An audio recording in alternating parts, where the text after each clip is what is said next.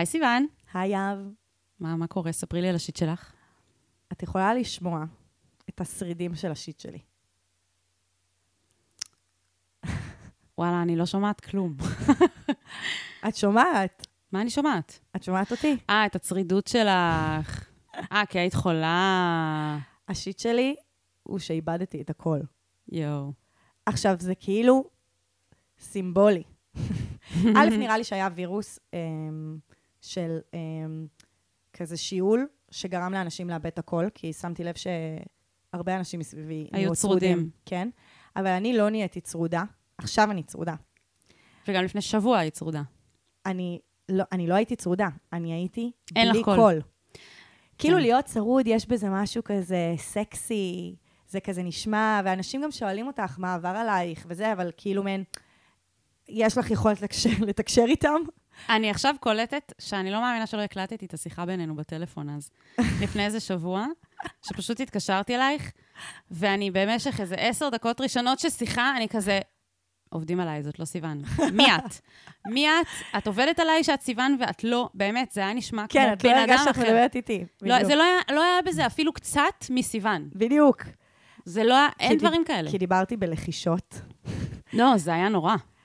מה שקרה זה שהתחלתי להיות חולה.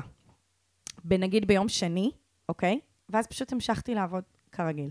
המשכתי כמובן. והמשכתי והמשכתי והמשכתי והמשכתי. רגע, בוא נעצור, בוא נתעכב על זה.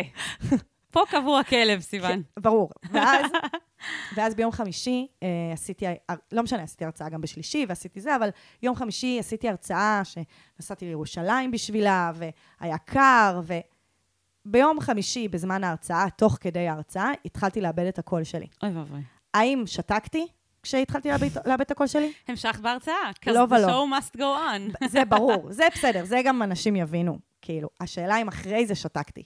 אחרי זה, האם אמרתי לאנשים, אני לא יכולה לדבר, אני צריכה לשמור על הקול שלי? אוי ואבוי. לא ולא. סוף היום, לא היה לי קול כבר, דיברתי בלחישות. יום אחרי זה קמתי, נחושה לזה שאני הולכת להעביר עכשיו הרצאה של שלוש שעות.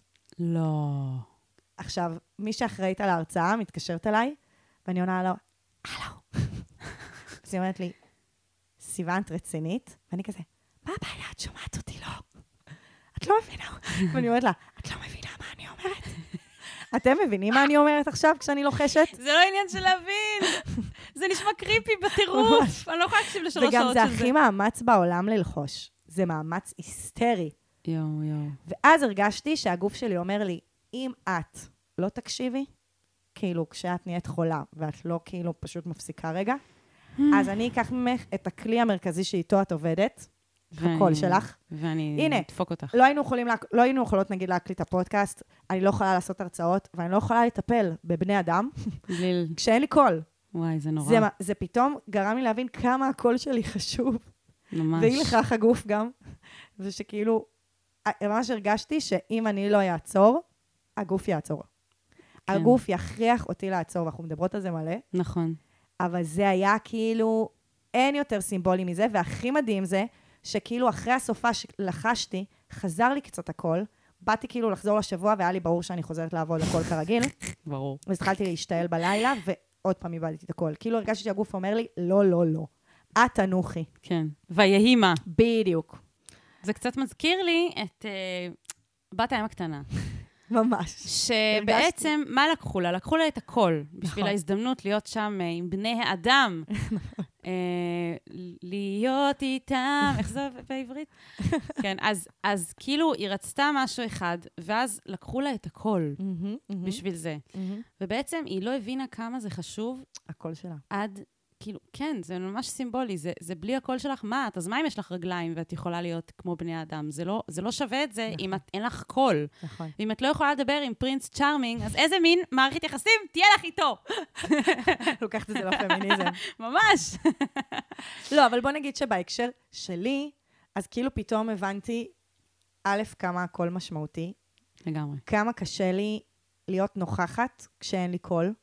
כאילו, בגלל שאת, הרי הדרך שלך להיות engaged, כאילו מעורבת, זה לה, כאילו להביע את עצמך, אז גם לא היה לי כוח לאינטראקציות אה, בין אישיות. כאילו, פשוט הייתי באיזה קריסה, ובאמת הרגשתי כאילו, אוקיי, אם את לא תכבי לפעמים, הגוף יכבה. יחווה בשבילך, כן. וואו, מדהים. איך, שיעור. הגוף שלנו יודע. שיעור. הגוף יודע. והנה, עכשיו יש לנו עוד קצת שרידים של זה, כן. אבל בקרוב אבל אנחנו... אחזור לעצמי. כן. זהו, את כבר באמת נשמעת בסוף של זה. נכון. טוב, אז uh, אני אספר לכם מה אתם עושים פה באמת, uh, חוץ מלשמוע את השרידים של, סיר, של סיוון והצרידות שלה. Uh, הגעתם לשיט של אחרים, עצות לחיים עצמם, אני יהב ארז, ופה איתי סיוון לוטן. Uh, היום תוכלו להבדיל בינינו. נכון.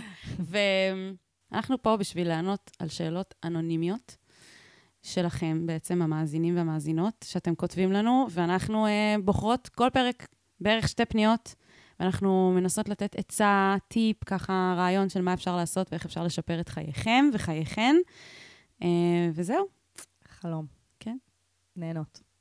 לגמרי. אז נתחיל? יאללה, נתחיל. אני ממש צריך עצה. אני ממש צריכה עצה. מה אני יכול לעשות במצב כזה?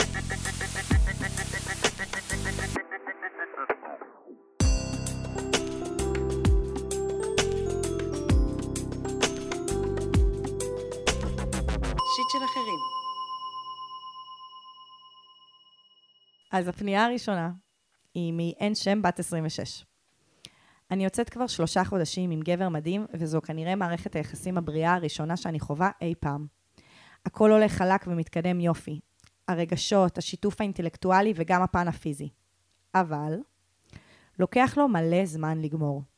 ממש מלא זמן לגמור. זה מגיע למצבים שאנחנו משנים תנוחות חמש פעמים במהלך הסקס, והאקט עצמו יכול להימשך גם שעתיים. בסוגריים, לא מדברת רק על החדירה. ואותי זה מאוד מעייף. מעולם לא באמת דיברתי איתו על זה, כי אני לא רוצה לפגוע בו, אבל נראה לי שהוא יודע. בכל מקרה, אני בכל זאת ממשיכה כמה שאני יכולה. הוא שואל ובודק איתי כל הזמן אם הכל בסדר, ולרוב אני אומרת שהכל טוב. זה לא כזה נורא, אבל שנינו גמורים מעייפות אחרי זה באופן לא סביר. אני מרגישה שזה קצת מתסכל אותו, ותכלס גם אותי. אני מאוד אוהבת אותו, ואוהבת גם לשכב איתו, אבל כשאני יודעת שזה הולך להימשך כל כך הרבה זמן, לפעמים רק מהמחשבה אין לי אנרגיה בכלל להתחיל. בעיקר כשהימים מאוד ארוכים ומעייפים גם ככה. איך להעלות את זה בפניו, והאם בכלל יש איך לפתור את זה? אני לא רוצה לפגוע בו, וגם לא יודעת אם יהיה לו הרבה מה לעשות שם עם העניין הזה. שכן, הוא לא שולט בו. טוב, אז uh, נתחיל בזה שזאת הפנייה המושלמת בשביל סיוון. נכון את אוהבת אותה? ברור שאני אוהבת אותה. אני כאילו קראתי את זה והייתי כזה, יואו, איך סיוון הולכת לעוף. וואו, וואו, וואו, כמה יש לה בטח להגיד. ממש. אבל יש לי גם מה להגיד. יופי, יופי. טוב, בואי נתחיל בזה. כאילו, אני רק רוצה להגיד שאני כתבתי איזה דברים את תרצי להגיד. סיוון, למה את עושה... יש לי שיט. אני כזה, למה את מנחשת נכון, מה אני יהב. הולכת... למה את מנחשת מה אני הולכת להגיד? כי זהו מערכת יחסים ארוכה. אולי יש אנשים שהצטרפו היום, והם כזה מכירים אותנו לראשונה. אני. מרגישה שאת כאילו זה. שאת שאני לוקחת לי- לוקחת לך? כן. אני מצטערת. הנה, יהב, בואי אני אתן לך להפתיע אותי. אוקיי. מה את רוצה להגיד? טוב, קודם כל אני אתחיל... קודם כל, אני אתחיל בזה שבעצם ההימנעות מלשבת ולדבר על זה, שזה כמובן משהו שתינו רוצות שתעשו, ואנחנו גם, יש לנו תסריט, כי את בין היתר מחפשת תסריט, כמו נכון. שאנחנו אוהבות להגיד, אנשים רק צריכים תסריט. נכון. אז זה נשמע שאת יודעת שכאילו צריך לשבת לדבר, אבל את לא כל כך יודעת איך, ואת גם חוששת לפגוע בו, אבל יש לי חדשות בשבילך. את כבר פוגעת בו. נכון. ויותר גרוע מזה, או לא יודעת אם יותר, אבל כאילו, בגלל שאת זאת שפנית, את גם פוגעת בעצמך. נכון. ולמה? כי ישר, כשקראתי את זה, נדלקה לי נורה אדומה, שהוא שואל אותך אם הכל בסדר, ולרוב את אומרת שהכל טוב. זה לא צריך להיות ככה. זה לא הגיוני שאת באקט מיני, ולא נעים לך, ולא כיף לך, ואפילו כואב לך, ואת לא מפסיקה. אם לא כיף לך ולא נעים לך, ובטח ובטח אם כואב לך, אז לא. נכון. נקודה, סוף פסוק. לא רק במיניות, אגב. כן, פשוט פה מדובר ב- במיניות, ואני מרגישה שכאילו, יש פה איזה שינוי תפיסתי שצריך אה, אולי קצת לעשות, שלא לדבר, כל עוד אתם לא מדברים על זה, בעצם יש פה פגיעה בשניכם. נכון. בך, בגלל שאת עושה דברים שאת, שלא באמת נעימים לך, ואפילו כואבים לך, ובו, בגלל שהוא, עובדה שהוא שואל אותך, הוא רוצה שיהיה לך טוב, הוא רוצה שלשניכם יהיה טוב, בעצם את באיזשהו מקום לא משתפת אותו במשהו שאמור להיות משותף. סקס אמור להיות משותף. מהמם, מהמם. ואז זה הופך את זה להיות איזה משהו חד-צדדי, שהוא כאילו לא מעורב. נכון. כי את מוציאה אותו מהתמונה באיזשהו מקום, כשאת לא אומרת לו את האמת, שהיא, נכון. כואב לי, בוא נפסיק. אז את ממש ממש צודקת, ואפילו הבאתי לך גיבוי תיאורטי. יס!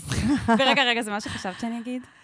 אה, לא, כאילו, הראשון זה מה שחשבתי, התקשורת. אוקיי. אבל, אבל השני, אה, כאילו זה, that's the, כאילו זה לב זה העניין. השיט. זה הלב העניין. הפתעתי אותך. אני תגידי, אסביר תגידי גם, את זה, הפתעתי אותך. הפתעת אותי לטובה. יש. יא ורז, אין ספק שאחרי אה, יותר מ-100 פרקים שאת אה, נותנת ייעוץ על מיניות, עשית את התואר שלך, אין מה להגיד. רגע, את חושבת שאני אקבל, אה, נכון, יש אה, אה, אות, אות, כ- דוקטור של אות כבוד, איך קוראים לזה?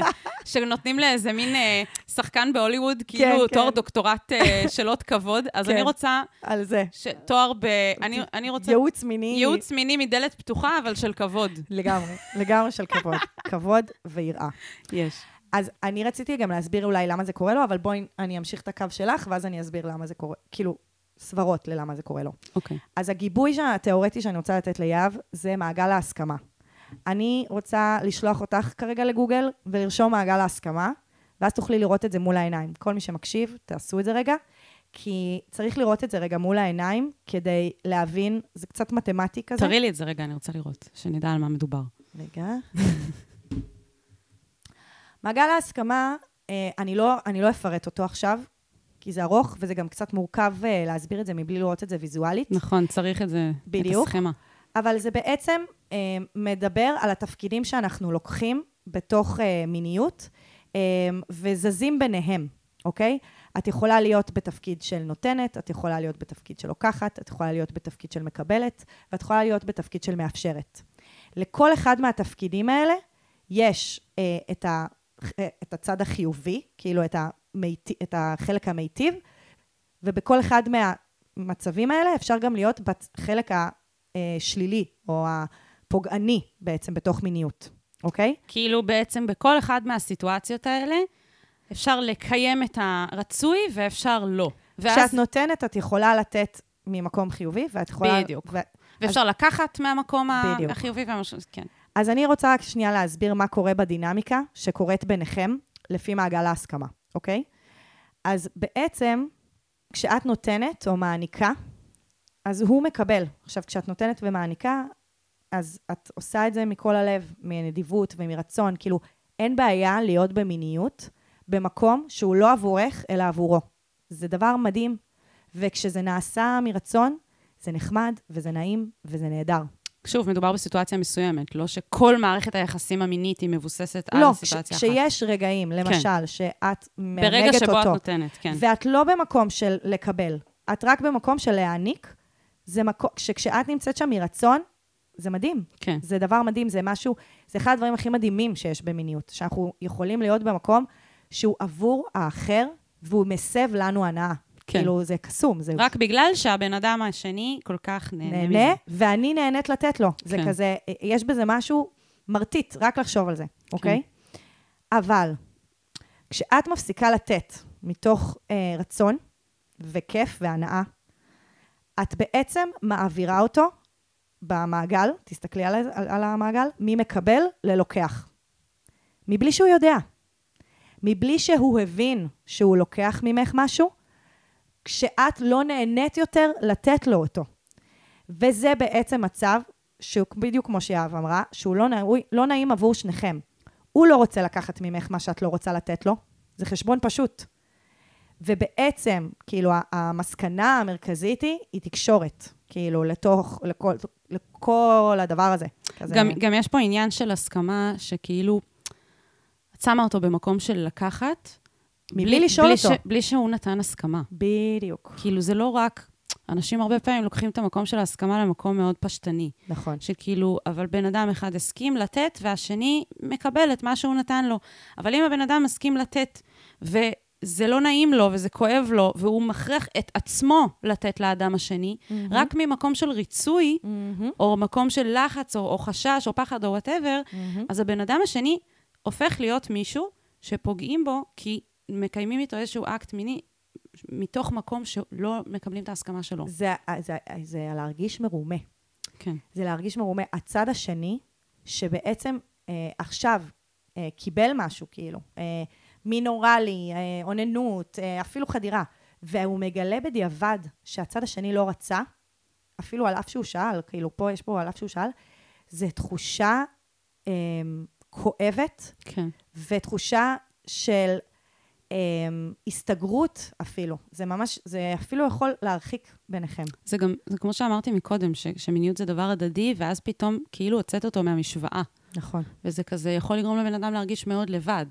עכשיו, אני, אני גם חשוב לי להגיד שאנחנו כאילו, מרגיש לי שאנחנו קצת כאילו נוזפות בה, כן. שהיא כאילו עושה לו משהו, אבל את עושה גם לעצמך. את עושה גם לעצמך. זה, זה, בגלל זה אני אומרת, הפחד הזה זה מלפגוע מרחיק בו, ביניכם, זה מרחיק ביניכם בגלל שכשאת נותנת לו ללא רצון, אז את גם חווה את זה בעצם כ- כ- כשהוא לוקח. כן, בדיוק. בעצם גם את חווה משהו שהוא בניגוד לרצונך. כן. למרות שכאילו את איזה, יש המון המון דיבור אה, של נשים וגברים על זה שהם במרכאות אנסו את עצמם.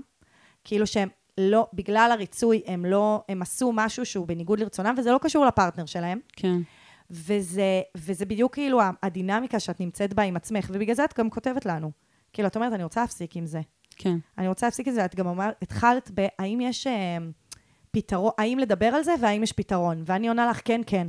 כן וכן. כן, תדברי על זה, כן, יש פתרון, אבל הפתרון הוא לא כמו שאת מדמיינת אותו. נכון? היא כאילו, יש, האם יש פתרון? אנחנו מדמיינים, טוב, הוא יגמור מהר יותר. אבל זה לא, זה לא הפתרון. נכון. הפתרון הוא מכיוון אחר. אז אני רוצה להגיד, שנייה לפני התקשורת, אה, שנדבר עליה קצת יותר לעומק, אה, איזה סיבות יכולות להיות לבן הזוג שלך לגמור, אה, של, שלוקח לו זמן לגמור.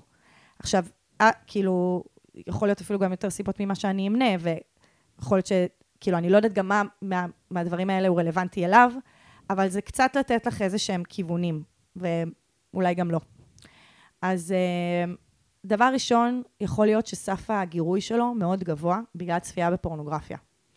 שבעצם פורנוגרפיה היא, בגלל שהיא כל כך ויזואלית, ובגלל שכשמעוננים מול פורנוגרפיה, אז עושים את זה בצורה מאוד אינטנסיבית, גם פיזית. כאילו היד שאוחזת בפין ועושה את זה בצורה כזה מאוד חזקה, לפעמים גם בלי חומר סיכה. גברים, א', ממליצה לאונן תמיד עם חומר סיכה, כי זה אחד הדברים שבאמת אחרי זה פוגעים ביחסי מין. אה, אז יכול להיות שיש לו רף גירוי אה, באמת מאוד גבוה, ואז ביחסי מין אה, רגילים, אז, אז מאוד קשה לו לגמור, כאילו שאין את, ה, את הוויזואליזציה הזאת, ואת האופן שבו הוא נוגע בעצמו. אה, ש, כאילו, את הכל ניתן לפתור בדרכים כאלה או אחרות, אבל אני לא אתן עכשיו לכל אחד מהם פתרון, אוקיי? אלא אני אדבר שנייה על הסברות. זה יכול לקרות בגלל כדורים שהוא נוטל, שגורמים לזה שיהיה לו קשה להגיע לאורגזמה. כמו SSRIs של כזה ציפרלקס וכל מיני דברים נוגדי דיכאון. אה, יש גם כדורים. למשל, אה, כדורים נגד הקרחה, שגם הם גורמים לעיכוב באורגזמה. כאילו יש כל מיני תרופות שנוטלים אותם באופן קבוע שמעכבים אורגזמה. ויש חרדת ביצוע. שחרדת ביצוע, הרבה פעמים חושבים שזה רק או שלא עומד. אז חרדת ביצוע יכולה להתבטא ב... זה שלא יעמוד, זה בלגמור מהר ובלגמור לאט. זה בעצם מצב נפשי. או שעומד ואז אה, ואז ירד, נופל, אה, בדיוק. כאילו יותר מדי מהר. כאילו חרדת ביצוע משפיעה על העוררות של הגבר, ועל ה... כאילו זקפה, ולוקחת בעצם את השליטה שלו בזקפה ובאורגזמה. אז כאילו בעצם, זה אומר שיש פה איזה משהו נפשי שיוצר את החרדה, והחרדה משפיעה על התפקוד של הגוף. כמו שהיא משפיעה על התפקוד של הגוף שלנו בהמון דברים. עכשיו, זה לא כל כך משנה מאיזה סיבה זה קורה, חשוב להגיד. אמ, כי זה משהו שאני רוצה להגיד, כאילו בצורה כללית, לכל הגברים בעולם. גם אם, לא, גם אם לא היה, גם אם אה, לא היה לו עיכוב באורגזמה. גבר לא חייב לגמור ביחסי מין.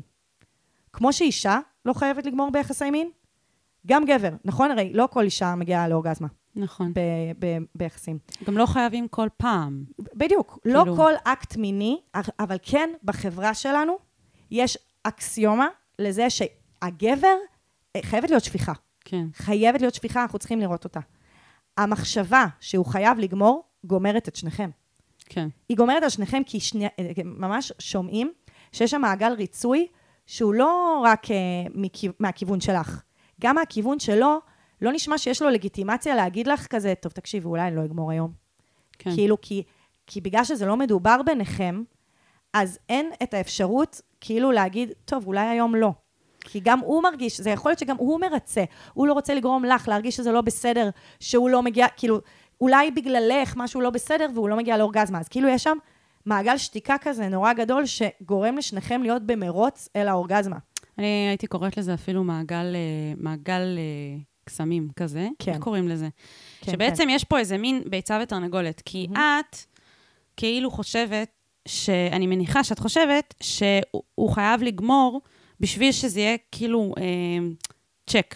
כאילו, יופי, זה היה אקט מיני מוצלח, הוא גמר. כן.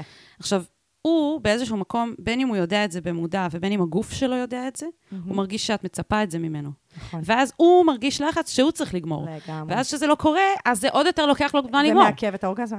ואז יש פה מין מחול שדים כזה. עכשיו, אני חו- הייתי רוצה להוריד גם ממך וגם ממנו. נכון. אני. כאילו, אולי אם הקשר שלכם מספיק, אה, את מרגישה שהוא קרוב בשביל להשמיע לו את הפרק הזה, אז אני גם חושבת שזה יכול לגמרי. לתת איזה קצה חוט כזה של להתחיל אה, לגמרי. כאילו ל- לעבוד עם זה. אז אני חושבת שגם מ- מ- משתי סיבות, כאילו, גם את וגם הוא, הייתי רוצה שתורידו את הלחץ הזה ממנו לגמור. מהמם. גם, כאילו- שוב, אני עוד פעם אחזור לעולמן של הנשים. הרבה נשים לא מגיעות לאורגזמה. התיקון בהצ- כאילו, זה לצד השני, הרבה, הרבה זוגות לא נלחמים על האורגזמה של האישה והיא מקופחת. כן. אז כאילו, אבל כן יש הרשאה לזה שהיא לא תגמור ב, ביחסים, כאילו ב, באקט המיני. כן. אז, אז, אז אנחנו הר- הרבה פעמים מתעסקות בו באיזונים. אז כאילו לגבר יש לגיטימציה לא להגיע לאורגזמה, והרבה פעמים צריך להתאמץ יותר בשביל שהאישה כן תגיע לאורגזמה, אבל כאילו זה לא העניין. כאילו, זה פשוט, כאילו האישה כרגע, היא לא העניין, אלא הגבר. כן. ואני רוצה להגיד יותר מזה, כאילו, עוד יותר. אמ, לא רק שהוא לא חייב, כאילו, הוא לא חייב לגמור, הוא יכול גם לגמור לא על ידי פעולה שאת תעשי אותה, אוקיי? כאילו, יש כאן שני דברים שצריך להתיר אותם. אחד, זה שהוא בכלל צריך לגמור, כי כאילו, זה שהוא לא יהיה חייב לגמור, זה יפתח המון אפשרויות, אבל גם זה שלא את זאת שצריכה להוביל ו- ולס- ולגרום לזה שהוא יגיע לאורגזמה, זה גם יפתח מלא אפשרויות. כן. כי בעצם איזה אפשרויות יש לכם כשלא את מביאה אותו לאורגזמה? אז א', הוא יכול להגיד, אמ, טוב, כאילו, ברגע, את בעצם אומרת, אמ, די, אני לא יכולה יותר, ואז הוא בעצם לוקח פיקוד, אוקיי? ואז יש לכם כמה אפשרויות, וזה גם תלוי גם במה את רוצה. הוא יכול אמ, כזה לאונן, ושאת כזה תנשקי אותו ותחבקי אותו, וכזה ת, תעודדי אותו מהצד, כמו זה כמו מעודדת חמודה כזה, שכזה, יא, יא, אתה יכול לגמור. יא, יא, לנשק ולחבק וזה וזה. יכול להיות... איזה קונוטציה עשית עכשיו עם המעודדת. סבבה, יכול להיות שאת כבר לא ממש תהיי שם, כזה את לא תרצי לעודד ולחזק, ואת פשוט תהיי לידו. והוא יאונן, ואת כזה תהיי כבר בשלך. יכול להיות שמבחינתך כבר נגמר האקט המיני, ואת לא שם יותר. ויכול, ואז יכול להיות שאתם תעשו את זה בחדרים נפרדים. כאילו, הוא ילך לשירותים, או שאת תלכי שנייה להתקלח, ואז הוא יעשה את זה. כאילו, יש המון אפשרויות לזה שהוא ייקח על עצמו אחריות, ועל האורגזמה שלו אחריות. וגם, כמובן, שהוא גם יכול להגיד, עזבי, כאילו, סבבה, היום אני מוותר. כן, אבל זה, זה, שום, שום דבר מזה לא יכול לקרות. ללא בלי ש- התקשורת. כן, זה קודם כל, הוא חייב להיות כאילו מודע לסיטואציה, הוא צריך להיות מיודע, ש- שכאילו, וכש- והוא אפילו שואל, אז כאילו, עובדה שהוא, שהוא יודע... אני חושבת שגם זה- הגוף זה שלו, זה לא מדובר ביניהם, אבל כן. זה, קי- אבל זה, זה זה ברור לי, שהוא, אליו. ברור לי שהוא מבין שמשהו פה לא לגמרי... ברור. אני, אני מבינה שהוא הוא לא... בוא נגיד ככה, הוא לא טיפש, כאילו, הוא רואה שמשהו לא מסתדר כל כך, והוא כן. רוצה לדעת. הם גם מאוד בתחילת הקשר, כן. והם עדיין לא, אולי הרגיש, מרגישים הרשאה לדבר על הקשיים שהם חווים. נכון, כן. וזה, משם מתחילים. כן, שם גם, הקשר מתחיל כשאתם מתחילים לדבר. נכון, אני גם רוצה לתת עוד טיפ לגבי מה שאמרת מקודם, על ה... כאילו איזה דברים אפשר לעשות. אני חושבת שאפשר לנסות גם עוד משהו, שזה, אתם יכולים לעשות כל מיני דברים שיגרו אותו, אמ, ו- ולדחות את החדירה, כאילו, כמה שרק אפשר, עד שכזה, הוא אומר לך שהוא כאילו מרגיש שהוא מתקרב לאורגזמה, ואז אתם, ואז הוא חודר, ולא, ולא הפוך בעצם. מהמם, מהמם. כאילו, אפשר לסיים את זה מוקדם, ואפשר להתחיל את זה מאוחר. כן. אני חושבת שזה, כאילו... למרות שהיא אומרת שהיא מותשת לא רק מהחדירה. היא אומרת שהאקט לוקח שעתיים, נכון. והוא לא מכיל רק חדירה. אז זה לא נשמע שזה רק היא, חדירה. היא אומרת שהיא מותשת מכל התנוחות. כן. אבל יכול להיות שכל התנוחות האלה כוללות חדירה. לא, לא, היא, יודעת. היא כתבה בצורה מפורשת שזה לא רק מחדירה. אוקיי. כאילו, זה אומר שבאיזשהו שלב הם מתעסקים ב... לא מדברת רק על חדירה, היא כתבה את זה בסוגריים. מהמם. והאקט עצמו יכול להימשך גם שעתיים, בסוגריים, לא מדברת רק על חדירה. כן. תראי, אם הוא מודע לזה, ויש את השיח ויש את התקשורת, ואתם שניכם מבינים שזה משהו שאתם רוצים כאילו לתת לו תשומת לב, אז אני חושבת שזה יהיה הרבה יותר, זה יהיה הרבה פחות מתיש. כל הדבר יהיה פחות מתיש. מהמם. כי שניכם מוכוונים לזה שזה לא יהיה מתיש. נכון. אני חושבת שזה פשוט עוד דרך כאילו להסתכל על זה, לנסות. אז בואו נתחיל עם התסריט לתקשורת. או, יפה. אוקיי. אז בואו נתחיל מזה שאת רוצה להגיד לו שאת שם בשבילו, שאת אה, אוהבת אותו, או לא יודעת מה אמרתם כבר אחד לשנייה, אבל שאת כזה, אכפת לך ממנו, וכיף לך איתו, וטוב לך איתו, וכל החיזוקים, גם שכתבת לנו פה, שבחיים לא פגשת משהו, כאילו מישהו שכל כך כאילו נעים לך לדבר איתו, ושאת סקס מדהים, ושאת אה, מרגישה שסוף סוף את בזוגיות בריאה. כל הדבר הזה, להביא את זה עכשיו, לתוך השיחה. ולהגיד ולהתחיל שאת יודעת שזה לא בשליטתו, כמו שיפה גם כתבת פה. כאילו, להגיד שזה שלוקח לו להגיע הרבה, לאורג... הרבה זמן לאורגזמה, זה, את מבינה שזה משהו שלא הוא שולט בו, אבל שקשה לך שהסקס ארוך, ושיש רגעים שבהם כבר לא נעים לך. ושאת, דבר ראשון, רוצה שנייה להנכיח את זה. כן. לא צריך ישר גם פתרונות. כאילו, קודם כל שנייה להנכיח את זה, שזה משהו שקורה, והוא יוכל להגיד איך הוא מרגיש ביחס לזה, ואיזה מחשבות היו לו וליוו אותו לאורך הזמן, ואת יכולה להגיד איך את מרגישה, כאילו שנייה אה, לאוורר כן. את הרגשות. גם אני חושבת שזה ממש טוב לדבר על זה בצורה שבה, כאילו, אין איזה אצבע מאשימה לכיוון כלשהו. בדיוק. לא אליו, לא אלייך. להגיד, כאילו, זו הסיטואציה, לנו יש חיבור, ואני מאוד אוהבת את החיבור הזה, וגם, אני חושבת שזה ייתן לו תחושת ביטחון, וסוג של כאילו רוגע שמאפשר לחשוב בצורה בהירה יותר, אם תגרמי לו להבין שכאילו, זה לא שזה deal breaker מבחינתך, זה לא שעכשיו זה גורם לך לא לרצות לשכב איתו, זה לא שאת לא נהנית מהסקס איתו באופן כללי, זה לא שכאילו את מרגישה לא מסופקת, זה לא זה. יש פה איזה עניין, ואני כאילו רוצה את הקרבה אליך, אני רוצה את האינטימיות איתך. זה עושה לי טוב כאילו שאתה נוגע בי, אבל אני חושבת שיכול להיות לנו הרבה יותר טוב ביחד. כאילו, לא מהמקום הזה של, כן. כאילו, אוי, יש בעיה, אלא כזה, תקשיב, אני, אני רואה שיש חיבור בינינו, ואני חושבת שאם אנחנו נתקשר רגע דברים וננסה לעזור אחד לשני, אז אנחנו נגיע למקום הרבה יותר טוב. נכון, שכאן בעצם אנחנו מגיעות לזה שכשאת אומרת, האם כדאי לדבר איתו על זה, והאם יש פתרון לזה, אז התשובה היא, הפתרון לזה הוא לדבר איתו. בדיוק. הפתרון זה בעצם ברגע שאתם מדברים על זה, ואתם פותחים את כל הדברים שדיברנו עליהם עכשיו, אז כשאתם מגיעים לרגע שבו את לא רוצה להמשיך, נפרסות בפניכם המון אפשרויות. כאילו, את אומרת, אוקיי, לא בא לי יותר, לא בא לי להמשיך, לא בא לי חדירה, או לא בא לי לאונן לך, או לא בא לי לרדת לך, או whatever שקורה, ואז יש כאילו עולם שלם של אפשרויות, שזה הרגע שבו אתם מתחילים גם לדבר, אוקיי? השיחה שעכשיו אמרנו, היא לא קורית בזמן האקט, היא קורית כאילו על כוס קפה, נכון. כזה בזמן בטוח, ואתם בעצם עכשיו מבנים את זה, שכשמגיע רגע שלך נגמר, אז את אומרת את זה, יש לך הרשאה גם להגיד את זה, כי כבר דיברתם על זה, ואז אתם עושים עכשיו דיון. כן. מה, מה עכשיו, איך אנחנו ממשיכים?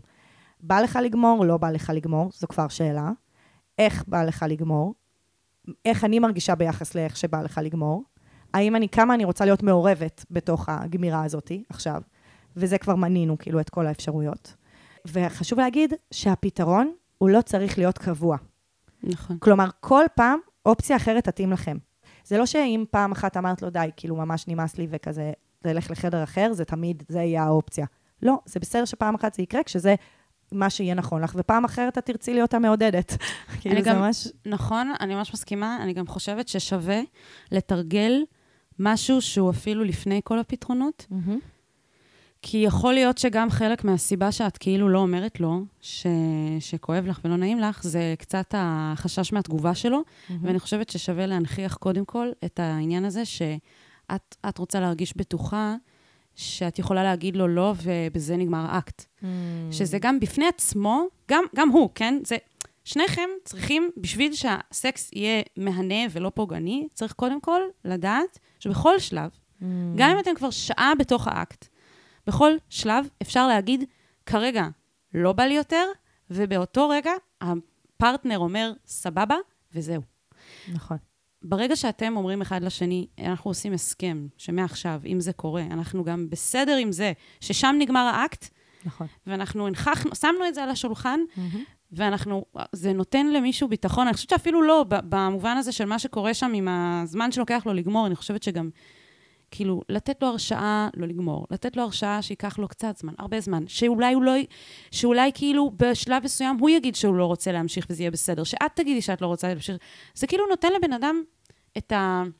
אני לא, אני לא רוצה להגיד ביטחון, אני רוצה להגיד, כי זה כאילו מילה בעברית שיש לה כזה כמה... קולות. אני רוצה להרגיש שהוא י- ירגיש סייף. כן, ירגיש בטוח, במובן כן. הזה. כן. וגם את תרגישי בטוחה.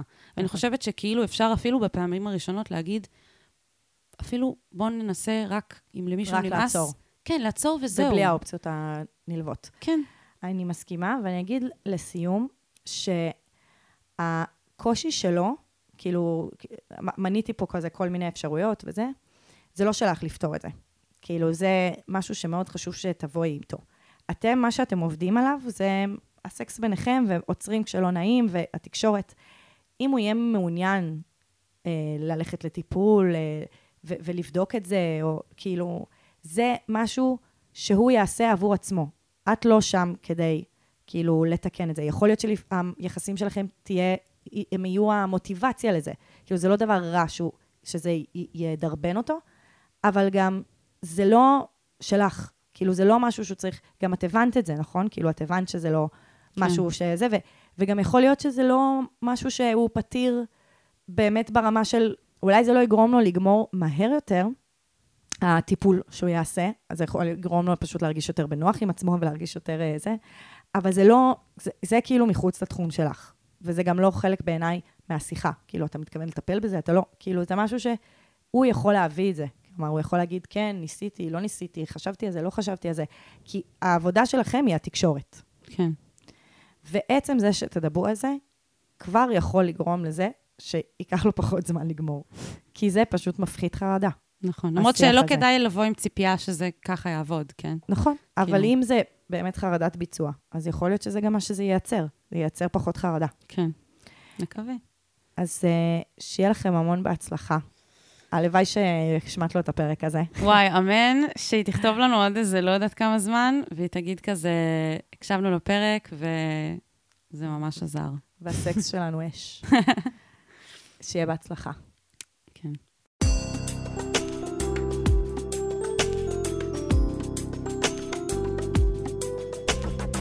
שיט של אחרים. אז הפנייה הבאה שלנו היא מנער הפלא, בן 15. אני גר בקיבוץ קטן, שבו כולם מכירים את כולם. אני מכיר את כל האנשים בגילי ורואה אותם ביום-יום. אני ביחסים טובים עם כולם, אוהב את כולם וכולם אוהבים אותי. הבעיה היא שיש נערה שנה מעליי, לא שזה משנה, שגרה שני בתים לידי. האחים שלי ושלה מכירים, המשפחות שלנו מכירות, ונפגשים במסגרת הנעורים, בתנועת הנוער ועוד כל מיני. יש בינינו כימיה טובה ממש ותחומי עניין משותפים, ואני ממש מחבב אותה. הבעיה היא שבגלל שאני חי במקום קטן, אני מפחד להתחיל איתה מכמה סיבות. אחד, אם היא לא בעניין, אני אראה אותה כל הזמן וכולם ידעו על זה, ואני לא יודע איך להמשיך להיות ידידים, ואני לא בטוח שזה בכלל אפשרי. שתיים, אם היא בעניין שלי, שזאת אפשרות סבירה, ואנחנו נהיה ביחד, זה גם יהיה בעייתי בגלל שכולם מכירים את כולם. שלוש, נגיד ונהיה ביחד ואז ניפרד מכל סיבה שהיא, גם אפשרות סבירה, בגלל שאין לי שום ניסיון, זה יהיה ממש לא טוב בגלל אותה סיבה. מכל סיטואציה פה נראה שאי אפשר ממש להרוויח. ברור לי שזה לא שחור או לבן, אבל אין לי מושג מה לעשות. מצד אחד, לא בא לי ליצור תסבוכת ולשרוף קשרים סתם, ומצד שני, לא בא לי לפספס אותה, כי אני ממש בעניין שלה. נ"ב, האנשים סביבי הם אחלה אנשים, מכילים, בוגרים ומבינים. בקיצור, אני עם אנשים איכותיים ומדהימים, ובכללי אני חי בסביבה בטוחה מאוד ומכילה. אבל החברים שלי לא ממש בקטע של לדבר על בנות, ולא בא לי לדבר על זה עם ההורים שלי, ככה שאין לי ממש עם מי להתייעץ. נער הפלא, אתה באמת פלא. איזה שאלה מהממת, ממש. איזה התנסחות מדהימה ל- ל- לילד בן 15. איזה מדהים שאתה מרגיש בסביבה מכילה וטובה. כאילו השאלה, רק עצם השאלה שלך עושה לי נעים בלב. או. נעים, כאילו, גם, גם הוא מוקיר תודה, כאילו, הוא, מצ, הוא מציין בפנינו את כל הדברים הטובים שכזה נמצאים בחיים שלו, זה ממש כן. מדהים, ממש. כן, אני רוצה להתחיל ולהגיד שכל הדברים הטובים שציינת, קצת מרגיש לי שיש פה איזשהו חשש כאילו לאבד אותם. Mm, כי הסיטואציה המוזרה אולי, שאתה חושש ממנה, שאנשים מכירים אתכם, ומה יכול לקרות אם היא תדחה אותך, או אם היא כן תהיה איתך, או אם היא תהיה איתך ואז תיפרדו. כל השלוש אופציות שנתת, בעצם בסוף שלהם, מהמם. החשש הוא הרבה יותר ממה אנשים יגידו, ומה אנשים יגידו בסיטואציה שבה כולם uh, מכירים את כולם, מהמם. וזה מקום קטן, ואתה ביחסים טובים איתם, אני יכולה להבין למה זה מאוד מאוד מפחיד. כן. וגם זה מפחיד של- שהוא במקום כל כך טוב, והוא מפחד לאבד את המקום הטוב הזה. כן, ואני. אני רוצה רגע לה, להרגיע ולהגיד שאני מאמינה שלא משנה מה יקרה, כל הסיטואציות שתהיה, הסצנריוז ש- שהוא תיאר, כאילו, זה מהמם. ממש מסודר לו בראש. נכון. אה, מה אם יקרה אם כן תרצה, מה אם יקרה אם היא לא תרצה, מה אם יקרה תמצא ואז ניפרד. אני חושבת שבכל הסיטואציות האלה, צריך להגיד משהו חשוב. אני חושבת שהאנשים סביבך ימשיכו לאהוב אותך, אני חושבת שאתה תמשיך להיות בסביבה מכילה ואוהבת, נכון. ועם אנשים שאתה מחשיב חברים טובים שלך. Uh, הדבר היחיד שמנית שכאילו זה, ה, נקרא לזה החיסרון כרגע בסביבה שלך, זה שאתה מרגיש שאין לך עם מי לדבר על זה. כן. אז פה אנחנו נכנסות לתמונה. אבל אני כן רוצה להגיד לפני זה, שאני אני כן um, חושבת שקצת מוזר לדבר עם ההורים על דברים כאלה, אני ממש מבינה, אני גם בגיל 15 ממש לא הייתי, לא הרגשתי בנוח לדבר עם ההורים שלי על דברים כאלה, אבל אני חושבת שכאילו, אל תפסול את זה. נכון. יכול להיות שיהיה להם אה, תובנות ממרום גילם, נכון. ומהניסיון שלהם שיש להם לתת לך, הם גם מכירים אותך ממש טוב, הם גם מכירים אותה, שזה איזשהו פלוס, והם גם ישמרו על זה, כאילו, בגלל שהם ההורים שלך והם המשפחה שלך, אז לא משנה מה תבחר לעשות, וזה, כאילו, הם ישמרו על ישמרו הדיסקרטיות עליך. של זה. כן, הם ישמרו עליך, וחלק מזה זה מה שתבקש מהם להיות בדבר הזה. כן, אתה יכול להגיד להם, אני כאילו כרגע קצת אה, מתפדח, כאילו, לדבר על זה עם מישהו מחוץ לזה, אז, אז כאילו, אני לא רוצה שתדברו על זה עם אף אחד אחר. נכון. ואני כן חושבת ששווה אולי לנסות. נכון. אה, לא, כאילו, אפילו גם אם אתה לא מוכן עכשיו. לא יודעת, אולי מתישהו תהיה מוכן, ויכול להיות שזה יעורר אה, דברים מעניינים.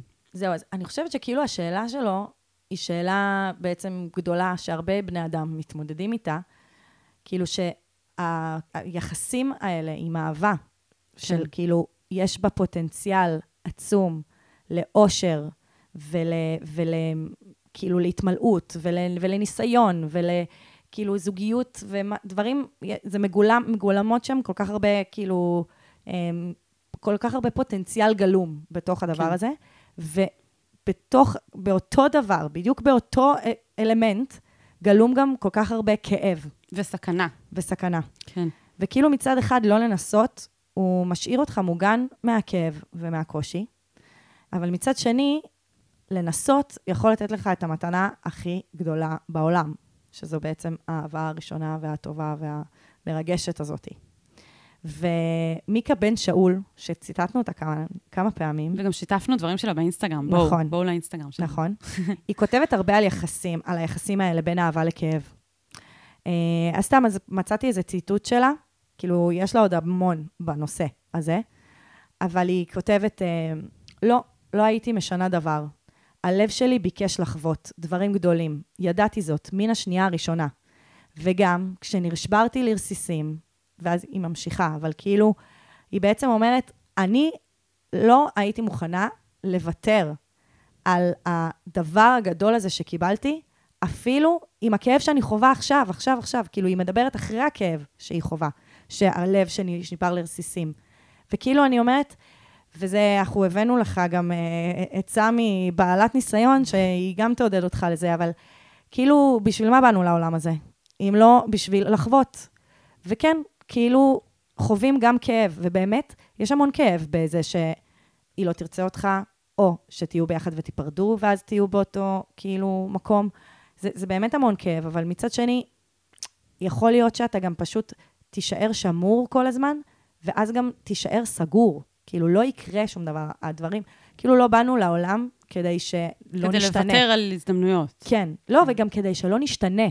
כאילו, החיים זאת הם... אומרת, יש פה פוטנציאל לצמיחה, יש פה... כבן פוט- אדם. כן, לצמיחה ולדברים שיקרו לך, וה, וה, וה, והכאב הוא חלק מהדבר. נכון. לקחת בחשבון שאולי זה יכאב, זה חלק מצמיחה. בדיוק. אני גם רוצה להוסיף שכאילו, אני מדמיינת, נגיד, הוא לא היה גר בקיבוץ, ו- והיה לו את ההתמודדות הזאת מול מישהי שהוא בעניין שלה, אז עדיין היה את הפחד מהכאב של מה אם היא תדחה אותי, או מה אם זה לא יסתדר, ופה כאילו נוסף על זה, נכון. עוד פחד גם ממה יגידו. נכון. ואני אני רוצה רגע להתייחס לזה, מהמם. כי הייתי רוצה כאילו, עכשיו דיברנו על הכאב של מה אם זה לא יעבוד, וזה, וזה מפחיד, זה משהו שהוא משותף לכל בני האדם, לדעתי. כאילו, אתה, אתה בעצם מעלה פה שאלה שהיא משותפת להמון המון אנשים. אתה, אתה גם נכון. לא לבד בזה, והרבה אנשים שואלים את עצמם כשהם בעניין של מישהו או מישהי, כאילו, ומה אם? נכון. אז יש את זה, ויש גם את העניין של מה יגידו, במיוחד שגרים במקום שכולם מכירים את כולם. אז אני אשתף קודם כל שאני גדלתי בקיבוץ, מהמם. קטן מאוד, מהמם. במקום מאוד מרוחק, כולם מכירים את כולם.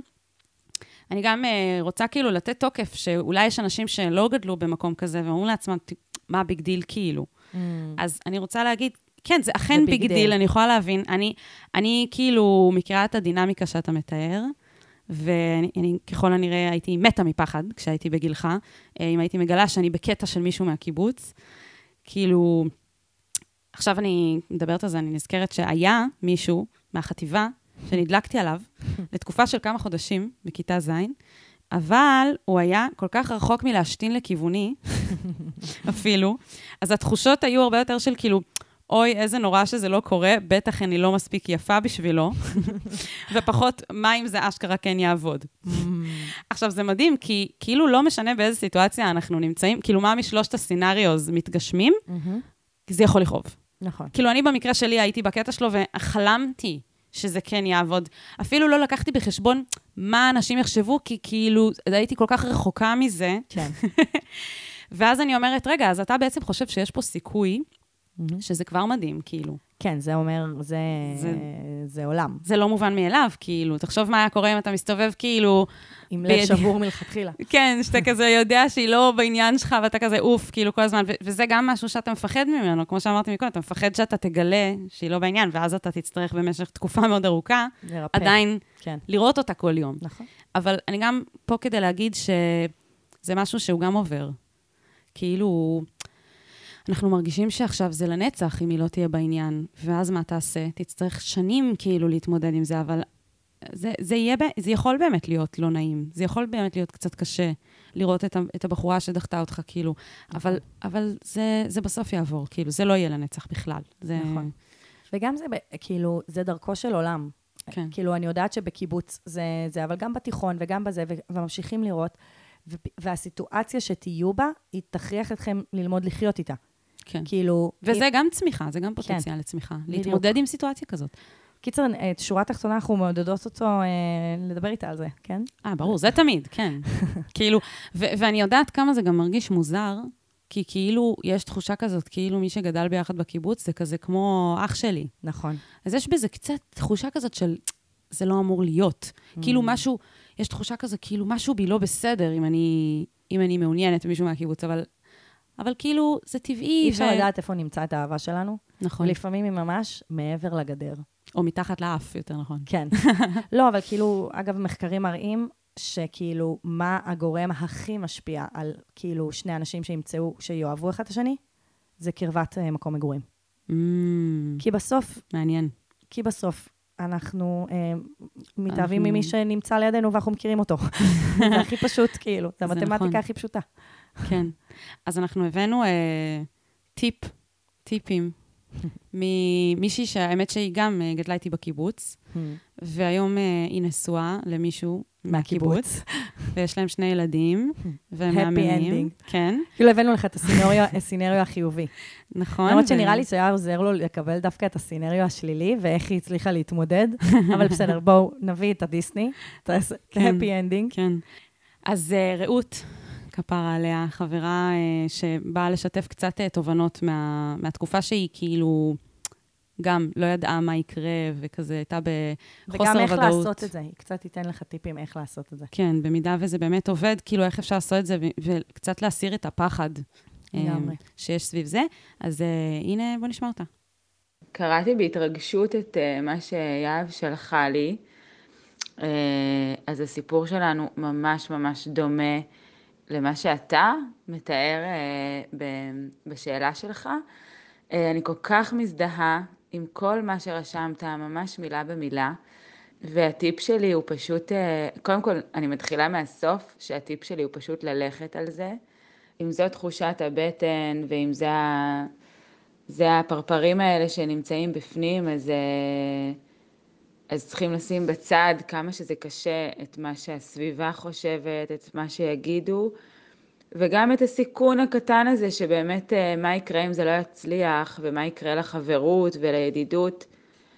אה, בעיניי מה, ש, מה שאפשר להרוויח מהלנסות ומהאומץ הוא גדול יותר מהכל, וזה באמת גם הסיפור שלנו. אנחנו הלכנו על זה למרות החשש הגדול מאוד שאם זה לא יצליח אז מה יקרה לידידות שלנו ולחברות שלנו ואיך נוכל להמשיך להיות ביחד באותו קיבוץ. אני מציעה לשנות קצת את הסביבה. אם יש לך אפשרות מתישהו, אפילו להזמין אותה מחוץ לקיבוץ לאנשהו, אה, או לבלות איזשהו בילוי משותף שהוא בלי כל החברים המשותפים שלכם, אה, זה גם יכול לעזור. אנחנו קצת התרחקנו מהסביבה המוכרת כדי להצליח אה, להתחבר אחד לשנייה. זהו, אני ממש מאחלת לך בהצלחה, אל תפחד. מה לא עושים בשביל האהבה? זה היה מעולה, רק חשוב לי לעשות תיקון קטן, שזה לא סיכוי קטן, שזה לא ילך, כי כאילו, זה לא באמת עובד ככה, זה כזה 50-50 פחות או יותר, ובמקרה כאילו שלהם זה עבד ואיזה משמח זה, אה, ואנחנו מקוות שגם לך זה יהיה ככה. ובכלל, כזה, אנחנו מקוות שפשוט יהיה לך את האומץ. את האומץ לעשות את הדברים שעושים לך טוב ושנעימים לך בלב, כן. ולהתמודד עם הדברים הלא פשוטים שהחיים מביאים. כן, אני חושבת שגם כשדברים לא מסתדרים, אם אתה יודע שהלכת על זה ועשית את מה שאתה מרגיש, אז אתה לא אותו בן אדם שהיית אתמול. נכון. וזה כבר ממש אה, דבר טוב. אז שיהיה המון בהצלחה. אמ, וספר לנו מה היה. וואי, הלוואי, חלום, שתספר לנו. ועכשיו, יהב ארז, תגיד לכל מי שמקשיב לנו, מה הוא צריך לעשות כדי שגם נענה לו. אוקיי, אז כאן בתיאור הפרק יש לכם uh, טופס, שבו אנחנו מזמינות אתכם לספר לנו באנונימיות על ה shit שלכם, uh, ואולי אנחנו נקריא את זה בפרק וניתן לכם עצות. יש לנו גם uh, בקבוצת פייסבוק שיט של אחרים, עצות לחיים עצמם, בפוסט נעוץ, שם בראש הקבוצה תמיד יש uh, את אותו טופס בדיוק. Uh, ואנחנו מזמינות אתכם בחום לבוא לעקוב אחרינו באינסטגרם, יש שם מלא מלא דברים כיפים. אה, ועוד תוכן בין פרק לפרק, וגם, בבקשה, בבקשה, אם נהניתם ואתם רוצים שגם אחרים ייהנו מזה, למה דרגו. לשמור לעצמכם? דרגו אותנו. דרגו אותנו, תנו לנו חמישה כוכבים, איפה שאתם לא שומעים, ספוטיפיי, אפל מיוזיק, אם אתם תדרגו אותנו, אז זה יגיע לעוד אנשים. תחשבו איזה יופי, איזה חלומי. שמחה. חלומי. כן, אז אנחנו ניפגש אה, בשבוע הבא. יאללה, ביי. ביי. אני ממש צריך את ה... אני ממש צריכה עצה. מה אני יכול לעשות במצב כזה?